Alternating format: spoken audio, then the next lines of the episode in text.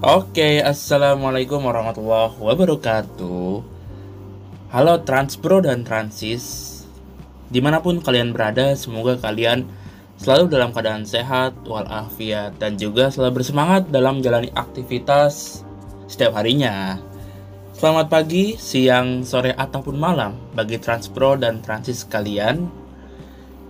Senang sekali pada episode ini kami hadir kembali mengisi waktu kalian, waktu luang kalian membahas tentang jalur sepeda. Di sini ada Transcaster Haikal, Transcaster Henok, Transcaster Ahmad Rafi dan juga Transcaster Azam. Kita di sini akan pelan-pelan bahas tentang evaluasi jalur sepeda terproteksi. Oke, kita langsung masuk ya. Nah, menggunakan rekomendasi teknis ITDP Indonesia, konstruksi jalur sepeda yang terproteksi di Jalan Sudirman, Jakarta resmi pada awal pada awal bulan Februari 2020. Sampai saat ini semuanya sudah terbangun. Sebagian besar Nah, lalu elemen-elemen penting seperti desain nyatanya masih belum terimplementasikan. Kayak redesign persimpangan, jenis proteksi jalur yang belum rata, titik henti bus, serta penegakan hukum baik untuk sepeda, untuk pesepeda dan juga penggunaan kendaraan yang lain. Nah, rancangan desain yang nggak diimplementasikan menyeluruh. Terus juga selain buat fungsi jalur sepedanya nggak maksimal terus juga kurang buat aman bagi sepeda juga membingungkan pengendara moda lain yang bersinggungan. Nah sebelum kita ngulik desain jalur sepeda terproteksi di Sudirman Tamrin kira-kira gimana aja sih profil penggunaan sepeda di daerah tersebut di sini ada Trendcaster Haikal yang akan memaparkan lah secara pelan-pelan tentang ini. Oke, halo teman-teman Agus. Ya, jadi sebenarnya jalur sepeda tuh di Jakarta ataupun di kota-kota lain banyak ya, tapi kali ini yang lebih disorot adalah uh, apa namanya jalur jalur sepeda terproteksi di di Tamrin. Karena kan ini e, namanya juga jalan besar ya jalan jalan kita jalan yang bisa viral dan segala macam lah gitu ya dengan protokol juga gitu nah ada jalur sepeda nih yang sebenarnya yang dipakai gak cuma orang-orang untuk olahraga macam uh, road bike ataupun orang untuk commute tapi juga ada orang pedagang macam Charlie macam bobo jamu macam pang roti. Mereka mengayuh sepeda loh gitu. Meskipun rodanya nggak cuma dua tiga gitu. Nah jadi kalau kita mengacu pada strategi ITDP itu di tahun 2021 nih uh, berdasarkan dari jam 1 sampai jam 20 tuh beragam gitu. Ya misalnya pagi itu banyak orang yang commute yang tuh banyak kayak kurir-kurir ojol yang memakai sepeda yang buat ngasih makanan gitu ngirim-ngirim makanan dan segala macem. Lalu di sore juga uh, menjelang sore juga mulai banyak yang commute tapi campur orang yang buat jalan-jalan olahragaan, sepedaan gitu. Terus juga pedagang pun juga banyak uh, mulai kedatangan di sore. Begitu pula malam juga ditambah dengan pedagang-pedagang sari, roti, dan ya macam-macam lah gitu. Memang jalur sepeda ini sudah didesain inklusif untuk semuanya gitu. Tapi kecepatannya juga mengikuti standar kecepatan dari uh, sepeda perkotaan gitu. Cara tata cara bersepeda di kawasan perkotaan. Gitu. Selain ngomongin desain, pastinya kan diawali dengan penegakan hukum dulu nih. Gimana sih progresnya? Kalau nggak salah kan banyak yang masih melanggar hukum tuh. Hmm, tanggapan gimana kan eh banyak pasti Iya. dong kan. Pasti. Itulah ya. Apalagi dikasih diskresi gitu. Iya iya masuk aja masuk aja gitu. Jadi gak guna tuh jalur gitu kan.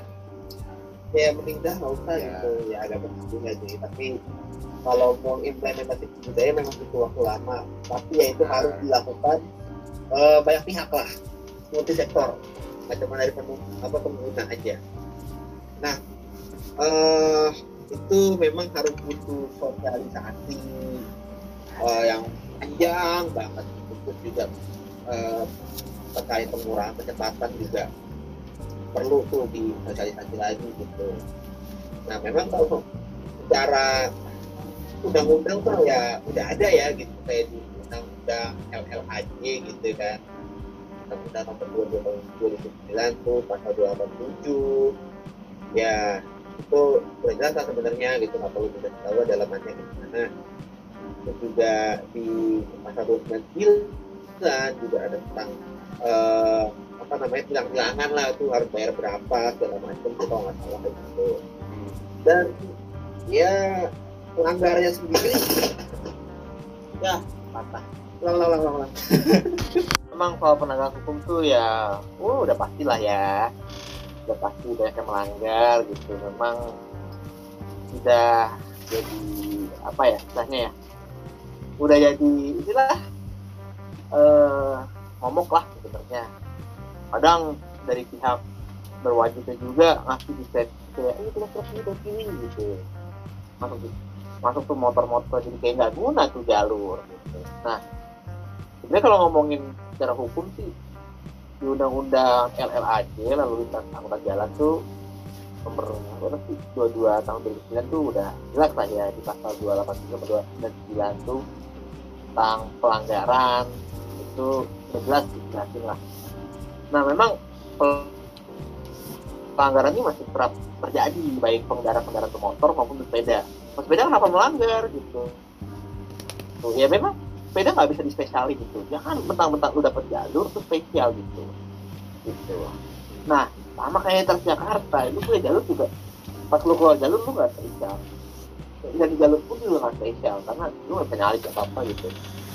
Dan harus sesuai SOP nah mungkin banyak yang melihatnya pemotor masuk jalur sepeda jadi momok.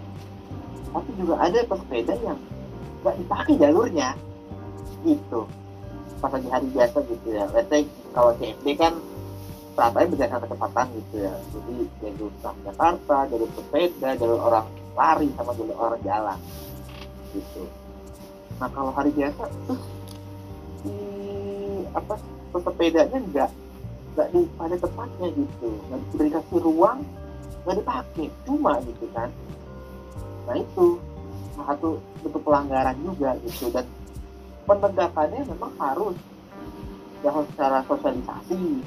Itu panjang banget memang untuk membentuk budaya tapi at itu juga harus ada fundamental undang-undang yang lebih membahas terkait gitu. Jadi ya ada bilangannya segala macam. Mungkin agak susah tapi ada bentuk warning lah gitu. Dan juga petugas gitu sih palingnya juga harus dikerahkan banyak gitu kayak gitu sih Nah, semisal nih kalau ngomongin evaluasi desain jalur sepeda tuh kira-kira ditinjau dari aspeknya apa aja sih?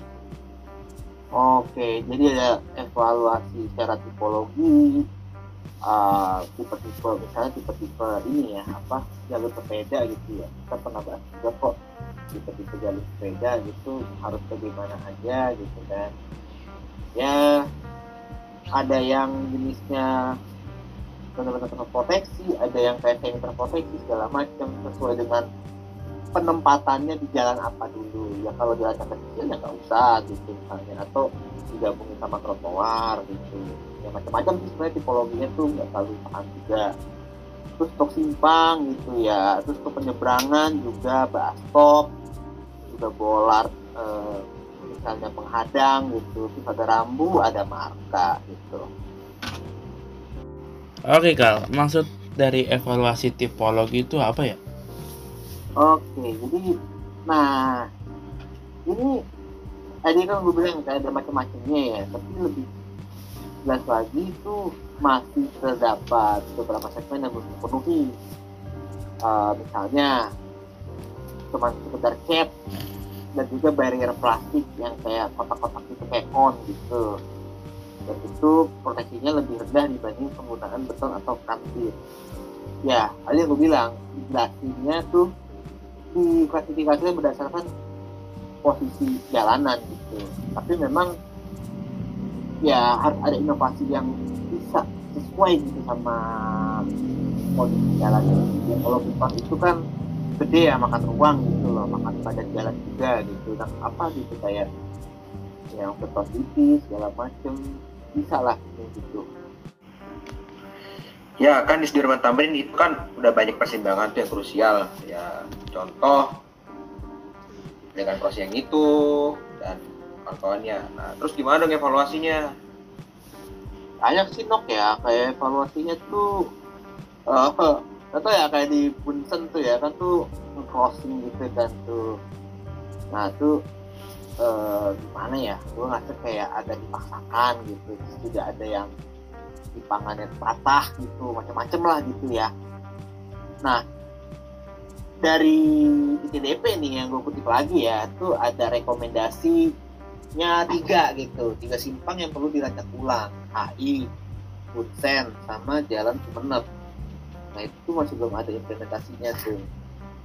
Nah em, nah contoh kita lihatnya dari Bunsen gitu ya. Memang crossingnya tuh agak matang gitu ya. Terjadi kayak konflik dengan pengendara bermotor. Karena crossingnya sangat, sangat eh, menumpuk itu dan juga kan nggak punya rambu khusus eh, apa namanya jalannya si sepeda gitu. Rambu itu cuma untuk rambu jalannya bis sama ja- jalannya kendaraan doang udah. Gitu. Nah terus juga eh, harusnya tuh dia berdampingan dengan zebra cross gitu. Jadi sepeda itu tuh nggak usah kayak ngepot set belok gitu. Beda lah mau ketabrak habis tahu Nah, itu harus kayak ya mungkin sedikit apa ya sedikit eh, kalau bisa dibilang tuh bisa makan kayak haknya pejalan kaki lah dikit gitu. Tidak kesimpangan karena kan lu itu rentan juga gitu. Nah terus juga harus dikasih area tunggu yang proteksi juga untuk mengurangi konflik dengan kendaraan bermotor saat menyeberang gitu. Jadi kalau di crossing ini eh, strata dia di, sedikit diturunkan sama seperti pejalan kaki. Kalau menurut rekomendasi TTP ya kalau gue simpulin Tapi nih Kal, eh, kan di jalur sepeda ter- terproteksi itu kan khusus sepeda aja nih. Tadi udah ada diatur undang-undangnya. Nah terus Iya, bagaimana nih kalau papatan ya? Ya ada yang ada yang lari di apa? Ada yang lari di jalur sepeda, ada yang jogging di jalur sepeda, bahkan ada yang main rollerblade di jalur sepeda. Nah itu gimana tuh? Tanggapan Nah, tanggapan lo deh. kalau rollerblade sih ya itu agak-agak bingung sih gue gitu. Pasti itu lintasan khusus cuma kalau memang dia itu secara kecepatan tuh sama kayak kecepatan sepeda ya sok gitu. Asal kecepatannya jangan aneh-aneh aja gitu ya. Itu juga perhatikan gitu. Karena kan ada tuh orang nggak cuma pakai pakai sepeda tuh nggak pakai segway gitu terus skateboard gitu. Pokoknya apa pun yang nggak nggak nggak punya mesin tapi beroda gitu lah ya nah itu seharusnya masih dari sepeda bisa gitu tapi kalau mau lebih safer kalau misalnya trotoar itu memungkinkan ya di trotoar aja sih kalau kata gua gitu asalkan juga melihat kondisi lah gitu kalau kata lu gimana nok Tanggapan gue ya, ya namanya jalur sepeda. Ada ya mungkin sepeda aja gitu. Soalnya bener kata lo lu juga, juga pusing juga ya mikirin rollerblade itu masuknya ke mana ya. Tapi melihat apa ya istilahnya lihat budaya orang-orang ya ya pas rollerblade itu kan dipakai buat olahraga ya bukan buat ngantor gitu istilahnya. Iya. Gitu ya. Mungkin bakal diperhatikan sebenarnya kalau misalnya hal apa ya hal tertentu mungkin ya gitu ya. Mungkin sih mungkin. Oke, kalau dari sisi penyeberangan dengan zebra cross nih, evaluasi untuk jalur sepedanya gimana? Terus juga nih di sepanjang Sudirman Tamrin itu kan banyak juga tuh bus stop. Nah, jalur sepeda harus dialihin ke mana tuh? nah bener nih jadi evaluasi titik bus gitu ya kan iya ya istilahnya yang lebih duluan ada tuh batok gitu tuh baru di baru dibilang apa ya diganti atau dialihkan atau digeser karena ada keberadaannya si jalur sepeda gitu ya. Jalur sepeda akhirnya bis makin ke tengah gitu. Takut kalau mepet-mepet sama muaranya bastop itu takut disambar kereta eh sambar kereta sambar sepeda gitu.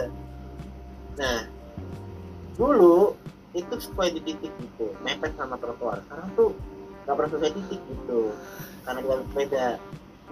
Nah harusnya sih planter box itu atau beton-beton itu sih agak digeser lagi dan juga punya supaya bis tuh bisa belok mepet terus belok lagi menjauh gitu tuh. Nah sebenarnya sih harus dikasih perhatian tuh dari jalur sepedanya karena dia kan lurus gitu. Ya kayak dikasih kayak kalau kalau di mobil gitu kan biasanya kasih kayak apa sih tuh di trap yang deket-deket gitu tuh. Nah pasti gitu juga sih harusnya. Kasih rambu juga ada batok gitu jadi berdasarkan uh, pengamatannya ya uh, banyak tuh masih pakai desain lama gitu. Jadinya bas itu ke tengah gitu. Dan itu harusnya di desain ulang lagi. Untuk pemasangan bola marka rambu pada jalur sepeda itu ada ada apa aja sih yang perlu dievaluasi? Uh, kalau borat bolat ya itu lebih banyak juga sih jadi gue fungsinya kan untuk mencegah masuknya kendaraan bermotor masuk. Jalur sepeda gitu ya karena waktu itu pernah tuh Alphard aja muat masuk gitu meski mepet. Nah terus juga uh, mengecilkan radius tikungan sehingga dapat mengurangi kecepatan kendaraan bermotor. Nah dengan data uh, 59% bola telah diganti namun peletakannya nggak sesuai. 30% baru dipasang dan 6,5% bola belum diganti dan posisi bola itu harusnya tuh nggak mepet nggak sam nggak sejajar dengan platter box agak geser ke tengah dikit dan agak jauhan dikit gitu. jadi mayoritas tuh uh, peletakannya masih nggak sesuai dengan rekomendasi dari CDP yang udah udah stable lah gitu ya. Berpatokan lah gitu tinggal distandarisasi lagi dengan keputusan gubernur dan bla bla bla gitu lah ya kalau untuk marka udah dapat 44 titik tersebar di panjang jalur Dimas Amrin tapi nggak sesuai markanya gitu. Terusnya marka eh, jalur sepeda proteksi gitu. Karena markanya itu ada banyak ya ada uh, apa namanya? Uh, ja, ja, jalur gitu arahnya ke mana? Ini arah arah gitu. Sepeda ada kayak panah lurus gitu arah juga ada marka hati-hati itu ada perlintasan hati-hati ada baskom segala macam. Itu harus ada itu sebenarnya tapi sayangnya itu tidak. Lalu rambu itu terdapat 68 persen. Rambu belum terpasang. Rambu pejalan kaki atau pejalan kaki sepeda itu 22 persen rambu belum terpasang.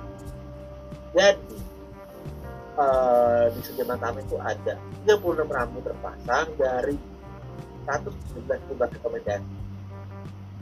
Nah, 113 jumlah rambu merupakan pemasang rambu yang ideal apabila disesuaikan dengan fungsi penggunaan rambu untuk sepeda. Oh ya, ada satu lagi nih titik kritikal jalur sepeda terproteksi si Sudirman Tamrin, yaitu di Semanggi. Kira-kira jalur sepeda di kawasan tersebut sudah tepat guna gak sih? Apa masih perlu dievaluasi juga nih? Ya tuh. Setuju gue uh, jalur sepedanya itu lucu. Kenapa lucunya? Dia ngikutin arah yang mau ke belokannya si siapa namanya tuh? Si jalur yang mau ke Esparman atau ke arah Datsu gitu ya. Tapi pas di kolong semanggi itu yang biasanya motor harus lewat itu jalur lambat dia menukik ke kanan gitu. Nah itu agak lucunya eh, nggak terproteksi banget nggak terproteksi parah lah itu. Terus udah gitu nukiknya parah gitu harusnya tuh dilurusin aja gitu main crossing terus masuk ke taman semanggi gitu lah ya. Jadi itu gampang banget lah patahnya itu gampang banget kalau ke, ke hajar gitu lah ya. Nah terus juga itu eh, gimana ya kalau berdasarkan data ITDP nih gue lagi ke ITDP sumber utamanya lah ya. Dapat 8 potensi konflik antara pesepeda dan kendaraan bermotor di jalur cepat. Sedangkan kalau di jalur lambat 4 potensi konflik doang gitu. Karena di mulut terowongan doang gitu. Dua arah. Sementara kalau itu ada 4 nah itu harusnya gimana tuh?